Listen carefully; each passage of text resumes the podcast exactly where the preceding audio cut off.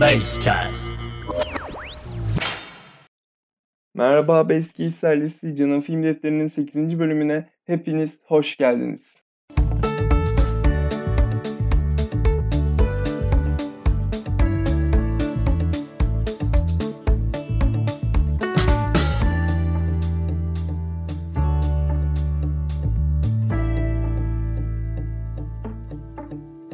Şaka maka 8. bölüme kadar geldik. Cidden çok ilginç geliyor 8. bölüme kadar gelmek. E, Bugünkü bölümümüzün konusu Interstellar filmi olacak. Interstellar'ı konuşacağız beraber. Öncelikle spoiler uyarısı yapmak istiyorum. Evet bunu unutmayalım. Spoiler var bu podcast'te. Haberiniz olsun.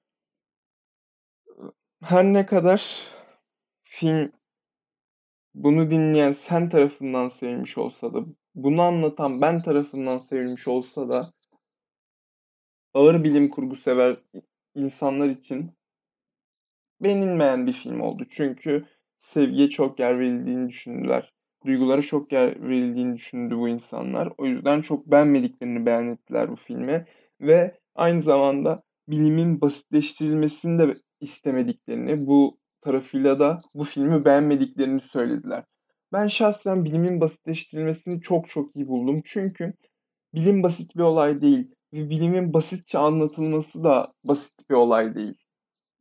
O yüzden bilimi basitçe anlatmaları, izleyicinin oradaki orada geçen bütün e, bilimsel evreleri tek tek anlaması, tek tek hazmetmesi e, çok önemli bir olaydı ve bunu başarılı bir şekilde yapabilmeleri de çok önemli bir olaydı. O yüzden burada tebrik edilmesi gereken bir Christopher Nolan var. Bence öyle durum.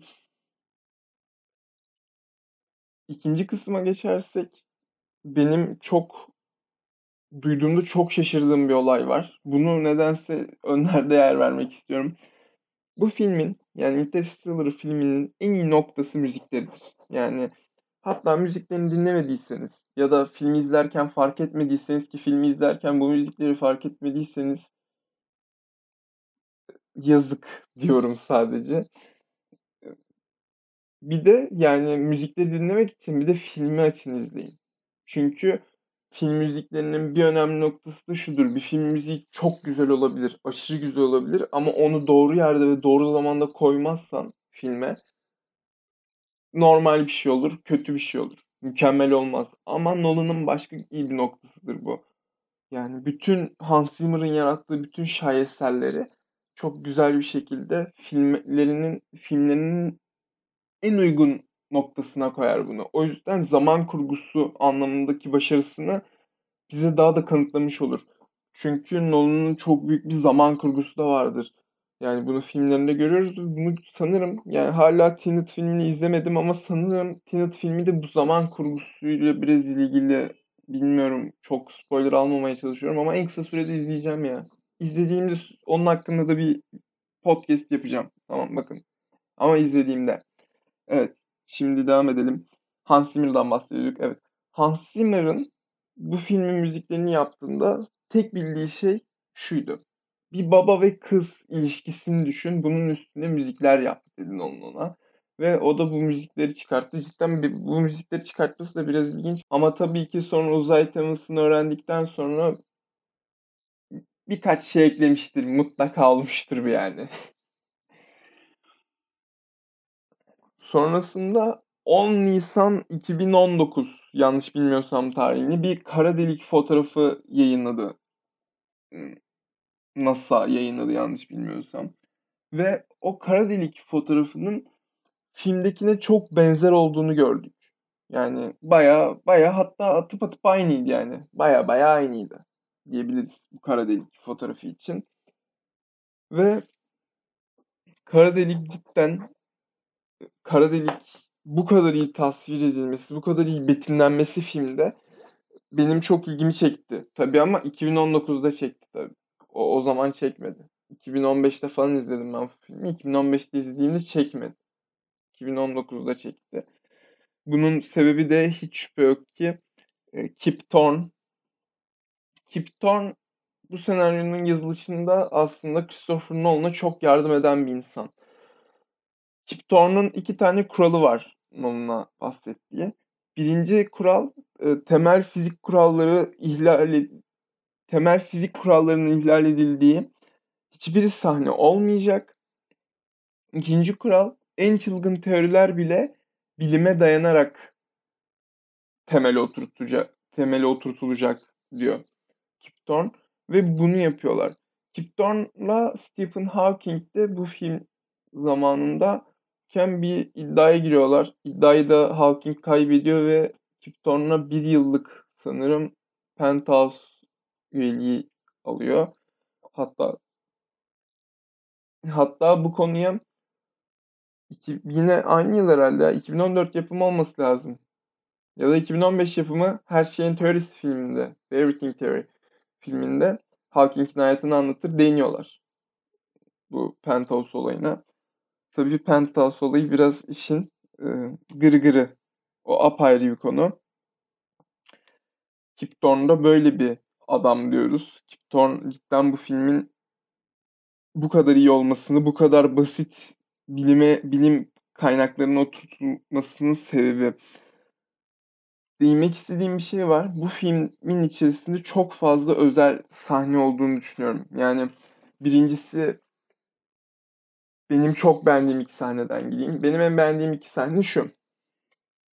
İlki Matt Damon'ın kalkma sahnesi. Yani orada Doktor Man kalktığında kış uykusu deniliyordu bu olaya filmde. Kış uykusundan kalktığında bir insan görünce ağlıyordu. Ağlamıştı yani. Cooper'a sarılıp ağlamıştı. Bu insan psikolojisinin mükemmel bir örneğiydi bence. İkinci çok beğendiğim sahne ise biliyorsunuz ilk gezegene gittiklerinde zaman biraz hızlı akmıştı e, onlar için. Yani daha doğrusu gemide kalanlar için zaman biraz yavaştı ama onlar için hızlıydı. E, Cooper ve e, Anna ablam hızlı bir zaman yaşadılar orada. Cooper döndüğünde 23 yıllık mesajı vardı ve 23 yılı yani orada gördük ve 23 yıl o kadar basitçe anlatılacak bir şey değil yani siz de biliyorsunuz ki ben daha 18 yaşındayım bu dünyada 23 yıl yaşamadım ve 23 yılın o kadar basitçe anlatılması cidden beni çok etkiliyor. Bir insanın yani hayatındaki gelişmeleri görüyoruz işte oğlu geliyor diyor ki işte baba kızla tanıştım. Şöyle bir kız. İşte merhaba baba. E, torunun oldu. E, torunun öldü. İşte bir torunun daha oldu. Ona iyi bakmaya çalışıyorum. İşte dedem öldü. Yani her şey üst üste geliyor. Murph bir gün ona bir mesaj yolluyor ve orada da diyor ki yani bugün seninle aynı yaştayız. Sen hala ortada yoksun şerefsiz diyor. Tabii şerefsiz demiyor. Daha kötüsün diyor ama biz onu demek istemiyoruz Cooper'a karşı. Bu çok etkileyici bir sahneydi. Bu yılların geçmesi o arada beni çok etkilemişti. Tabii bunlar dışında etkilendiğim sahneler tabii son sahnede Murphy'nin babasına babam bana söz vermişti geleceğini biliyordum demesi tabii çok etkiledi. Başka düşünüyorum etkileyen sahne ne var diye. Yani tabii ki mutlaka çok fazla etkileyen sahne vardır ama benim aklıma gelmiyor olabilir şu anda. Not da almadım çünkü bu sahneleri falan. Üzgünüm şu an daha fazla sahne söyleyemediğim için ama yani 3 dakika önce kafamda birkaç sahne daha vardı. Şu an neden silindiler bilmiyorum. Onu da belirteyim. Hatırlarsanız Baba filminde çok iyi bir ses kurgusu olduğunu, mükemmel bir işte tren sahnesi, işte o Türk ve komiseri öldürdüğündeki yerde mükemmel bir ses kurgusu olduğunu söylemiştim size. Bu filmde de mükemmel bir ses kurgusu var. Biliyorsunuz ilk gezegene gittiklerinde zaman hızlı akıyor demiştim ve o gezegende duyduğumuz her tik tak sesi dünyada 17 saate eşit. Bunu belirtmek istiyorum. O yüzden bu da çok büyük bir ses kurgusu. Hatta yani sinema tarihine altın harflerle adını yazdıracak bir ses kurgusu olduğunu düşünüyorum bunun da. Tek kamerayla çekilen bir film. Belki bilmiyorsunuzdur ama bunu duyduğumda da çok şaşırmıştım. Bunu bayağı uzun süredir biliyorum gerçi. Çünkü Nolan biraz değişik bir insan. Mesela yönetmenler monitörden izlemeyi severler filmleri ve genelde minimum iki kamera olur. Farklı açılardan etrafa bakmayı ister yönetmenler. Nolan onu da yapmıyor. Yani kameranın yanında duruyor. Kameranın yanına küçük bir yani kameradan izlemeye çalışıyor. Biraz değişik bir olay. Zor olsa gerek. Yani yönetmen olmak isteyen bir gencim kameradan filmi izlemek kameraman olmadan biraz ilginç bir durum. Zor bir durumdur. Hem kameraman için hem de Nolan için zor bir durumdur. Bahsetmek istediğim bir nokta daha var. Kod adı Flora'nın Mektupları. Çünkü bu filmin çekimlere başladığın, başlanıldığındaki ismi Interstellar değil. Flora'nın Mektupları. Flora Christopher Nolan'ın kızı. Ve filmin ismini belirtmemek için Flora'nın mektupları diyor ses, set ekibine. Yani bu kadar. Bu kadar da gizlilik fazla. Ha bir de Matt Damon'ın da bildiğim kadarıyla rolünü gizliyorlar. Yani sanırım Matt Damon var biliyor herkes ama Matt Damon ne işe yarıyor onu bilmiyor filmi izleyene kadar. Bildiğim kadarıyla öyle yani. Ve filmde ayrıca değinilmesi gereken bir nokta bu bence. Dust Bowl olaylarından esinlenerek yapılmış bir film. Dust Bowl nedir diye sorarsanız Dust Bowl bildiğim kadarıyla Amerika'da 1930 ve 1940 arasında çayır kesiminde oluşan kum fırtınaları. Ben böyle biliyorum yani böyle kum fırtınaları falan oluyor sık sık bu kesimlerde ve yaklaşık 10 sene sürüyor bu kum fırtınaları. Bundan esinlenerek yapmışlar durumu ve e, direkt Dust Bowl'u yaşamış insanlar insanların e, görüntülerini almışlar. Hani hatırlarsınız e, bir filmin başında sonunda her tarafında gördüğümüz bir belgesel sahnesi var. Yani böyle orada diyor yani belgeselde insanlar konuşuyor işte ağzımızı burnumuzu kapatıyorduk, tabakları ters koyuyorduk bilmem ne falan filan diye anlatıyorlar. İşte orada çıkanların çoğu Dust Bowl'u gerçekten yaşamış insanlar. Onları koymuşlar. Bence bu da çok özel bir detay. Ve eminim onların fikirlerini de sormuşlardır konu hakkında. Bence. Bence sormuşlardır ya. Ve benim değinmek istediğim birkaç tane de set olayı var. Set olaylarına geçersek ilk değinmek istediğim konu şu. Böyle gördüğümüz robotlar var ya, onlar live action. Yani bildiğiniz yaşayan bir insan onları hareket ettiriyor ve yani yaşayan bir insan onları hareket ettiriyor kısacası. Sonra bazı açılardan insan görünüyor diye o açıları o açılardan insanı kırpıyor yani şey nasıl söyleyeyim kesiyorlar. Yani montaj. Bu ilginç bir olay. İkinci olay yapay kum fırtınaları yaratılması. Evet yapay fırtınaları yaratılıyor bu filmde ve neredeyse filmde CGI sahne çok az. Yani cidden hiç yok denecek kadar az CGI sahneye sahip bir film bu. Bu film. Bunu öğrendiğimde de çok şaşırmıştım. Çünkü çok CGI vari duruyordu. Ya da bana mı öyle geldi? Bilmiyorum. Yani ama kum fırtınaları mesela CGI'di diyordum. Adamlar kendileri yaratmışlar. Son set olayı ise bilmiyorum bunu ne kadar insan biliyor ama Nolan gerçekçiliğe çok önem veren ve bu tip şeyleri yapan bir adam. Bildiğim kadarıyla Tenet filminde de yapıyor. Altınların olduğu bir sahne var herhalde. Ben o yani öyle bir şey duydum sadece. Tam olarak bilmiyorum durumu. Siz ama bana yorum yapmayın bu konuda. Yani he, spoiler falan diye mesaj atmayın. Kötü olur. Hoş olmaz yani. Neyse işte altınların olduğu bir sahne varmış. Altınları satın aldırmış. Bildiğim baya büyük de bir çan yani baya baya büyük bir altın külçeleri var orada yani. Benim gördüğüm kadarıyla orada. Sonra film bitince geri bırakmışlar altınları ve kâr etmişler altınlardan. Altın yükselmiş o arada. Vallahi şans. Ya da Nolan çok iyi bir ekonomist. Bu filmde de aynı bunun gibi bir şey yapıyor. Yani hani mısır tarlaları diyoruz ya. Nolan 500 hektarlık alana mısır tarlası yani mısır ektiriyor. Ve sonra o mısırları toplayıp satıyorlar. Ve kar ediyorlar. Hem de çok kar ediyorlar. Yani bu çok ilginç bir durum. Cidden Nolan'dan alınması mesela yönetmen olmaya olmak isteyen gençler bu özelliğini alın Nolan'ın. Bu özelliğini alın. Bakın adam bir şekilde kar ediyor, bir şeyler yapıyor falan düşünüyor bunların üstüne. Dark Knight filminde ucuza hastane baktı adam ya. Ucuza hangi hastaneyi satın alırız diye bakmış adam yani böyle psikopatın teki aslında. Öyle bu da dışarıdan normal gözüküyor da o da çok normal bir adam değil. Yani Nolan'da. Nolan bölümü de gelecek merak etmeyin.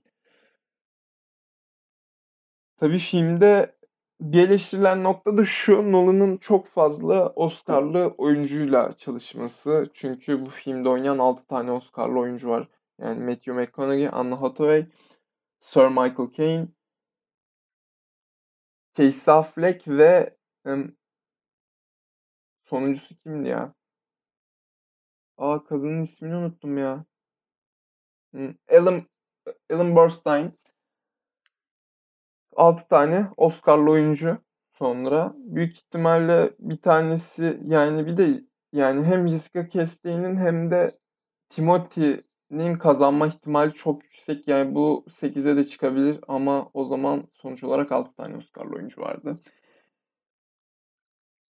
Bu arada Timothy'nin kazanması kesin de Jessica Chastain'i bilemeyeceğim. Ama Timothy kesin Oscar'ı var onun ya. Onun minimum 2-3 tane falan Oscar'ı var. Yani minimum diyorum bakın. Onun var yani. Merak etmeyin. Gerçi Johnny Depp'in olmadığı bir ortamda diyorsunuzdur şu anda. Onun olabilir mi? O apayrı bir konu ama kesin yapacak ya. O çünkü yetenekli de çocuk. Hem de çok tecrübelendi. Woody Allen'la çalıştı, Nolan'la çalıştı. Ee, cesur filmler çekti, korkusunu yendi. Çok iyi aktörlerle çalıştı, aktrislerle çalıştı. Yani onlardan mutlaka bir şey kapmıştır. O onun geleceği var yani merak etmeyin.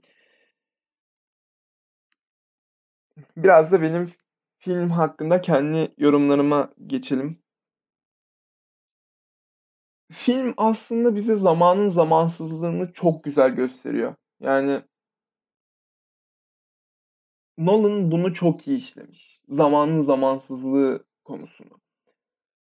Çünkü zamanın zamansızlığı apayrı değinilmesi gereken bir noktayken o üstün körü ve mükemmel şekilde işlemiş. Zamanın zamansızlığı benim sevdiğim bir bölüm oldu. İkincisi Spielberg felsefesi. Biliyorsunuz Spielberg felsefesini daha önceki bölümlerde açıklamıştım. Spielberg felsefesine çok güzel bir örnek. Hatta Nolan'ın çok yani Nolan çok iyi bir Spielberg felsefesini devam ettiren çok iyi bir yönetmen. Bunu söylemek istiyorum ama Spielberg değil. Yani yeni çağımızın Spielberg'ü Nolan değil. Bence değil yani. Ama Spielberg felsefesi çok iyi işlendi. Çünkü bize filmde çoğu şeyi hissettiler, hissettirdiler ve neredeyse bütün karakterlere karşı bu şeyi hissettirdiler. İşte Brand'e karşı hissettirdiler, Murphy'ye karşı hissettirdiler. Çocuğu Tom, Tom'du yanlış hatırlamıyorsam çocuğun ismi. Tom'a karşı hissettirdiler. Yani onları hem sinirlendik, hem üzüldük, hem güldük, hem ağladık, hem her şeyi yaptık onlara karşı. Bütün duyguları yaşadık. Bunu belirtmek istiyorum. Yani onlara onlara karşı bütün duyguları yaşadık. Bu da çok güzel bir Spielberg felsefesi örneğiydi. Bunlar dışında filmin dediğim gibi ses kurgusunun yanında zaman kurgusu da çok önemliydi. Zaman kurgusunu da çok iyi ayarlamıştı. Zaten zamanın zamansızlığını işleyen bir filmin zaman kurgusunu ne kadar yanlış yapacağı biraz tartışmaya açık bir konu. Ama zaman kurgusu cidden çok iyi bir yapıdadır. Zaten Nolan'ın da sanırım en büyük özelliklerinden bir tanesi zaman kurgusunu çok iyi halletmesi. Yani Inception'da da bunu yaptı. E, Tenet'te yapamadı diyorlar. Ama bence onda da yapmıştır Nolan çünkü bu işi çok iyi beceriyor. Biraz belki bizim beynimiz yetmemiş olabilir. Belli mi olur? Yani öyle hepimiz çok da akıllı olmuyoruz. Ben mesela bazı konularda çok aptalım. Hatta çok konuda çok aptalım. Ama konumuz bu değil. Başka ilginç bir noktaya daha değinmek istiyorum. Matt Damon'ın üçüncü kurtarılma filmi. İlki Eray'ını kurtarmaktı. İkincisi bu film. Üçüncüsü de Marslı. Yani bu adam neden kurtarılmayı bekliyor ya? Met abinin bence sorunları var. Bence var yani. Bilmiyorum sizce de var mıdır? Bunları bana iletin. Sizce Matt Damon'ın sorunları var mı? Bence kesin bu kişisel hayatıyla ilgili bir şey ya. Çünkü denk gelmiş, bu kadar denk gelmiş olamaz. Yani hadi bir olur, iki olur, üçüncü olmaz yani. Üçüncüsü artık denk gelmemiştir. Hem biri de bakın hatırlanılması gereken sahneler demiştim. Matt Damon falan filan deyince aklıma geldi. Şey sahnesini de çok seviyorum. Hayatta kalma içgüdüsü hakkında konuştukları sahneyi de çok beğeniyorum. O Doktor Man'in ihaneti ni işledikleri yeri de çok beğeniyorum. Hayatta kalma içgüdüsü çünkü çok önemli bir durum ve içgüdü gibi bir şeyin yani bilimden biraz uzak bir olayları içgüdüler. İçgüdüler duygularla daha çok alakalıdır. İçgüdüler gibi bir şey işlemesi bence çok hoş olmuştu. Zaten ülkemizde de sevilmesinin sebebi bu Interstellar'ın. Yani evet içerisinde bilim var. Basit bir tonda anlatılıyor. Basitleştirilmiş bir bilim var. Bir bu. iki içinde olaylar var. Bir sürü hikaye var. Çünkü biz olay ve hikayeyi yani biz olay hikayesi seviyoruz. Durum gibi şeyleri çok seven bir millet değiliz biz. Durum hikayelerini çok sevmiyoruz. Olay, hikaye, olay hikayesi olunca burada da durum ekstra bir beynimizi kazanıyor. Üçüncü durumda işte böyle biraz duygusallaştırılması filmin. O duyguyu verebilmesi falan filan. O yüzden de bizim sevdiğimiz şeyler yine onlar. O yüzden yine tuttuğumuz bir film. Belki de yani ülke olarak en sevdiğimiz 3 yabancı film arasına girer ya bu. Büyük ihtimalle. Yani ben kimi görsem Inception'ın önüne koyuyor Interstellar'ı ve çok seviyorlar. Yani benim izlediğim en iyi yabancı film falan diyen arkadaş tanıdıklarım var. Yani arkadaşlarım da var da tanıdık diyeyim daha çok. Yani öyle. İlginç bir durum. Yani ülkemizde aslında yapım olarak olay hikayesini çok seven yapım yani yönetmenlerimiz, yazarlarımız yok bence. Biz durum hikayesini daha çok seviyoruz. Yani işte Reha Erdem, Zeki Demirkubuz, Nuri Ceylan çoğunlukla durum hikayesi üstüne odaklanan yönetmenler. Belki de o yüzden sevilmiyor lan bunlar. Aa bakın şu an aydınlandım ha. Bakın sizinle konuşmak iyi geliyor adama ya. Bu da başka bir günün konusu. Ben çok kafamı bulandırdım sorularla şu anda. Ee, ve daha fazla bulandırırsam bu işin içerisinden çıkamayacağız. En iyisi Interstellar çok iyi bir filmdir deyip e, bu konuyu kapatmak. Ne yazık ki bugünkü süremizin sonuna geldik. Bir sonraki podcast'ime kadar yaşamayı unutmayın ve kendinize dikkat edin. Basecast.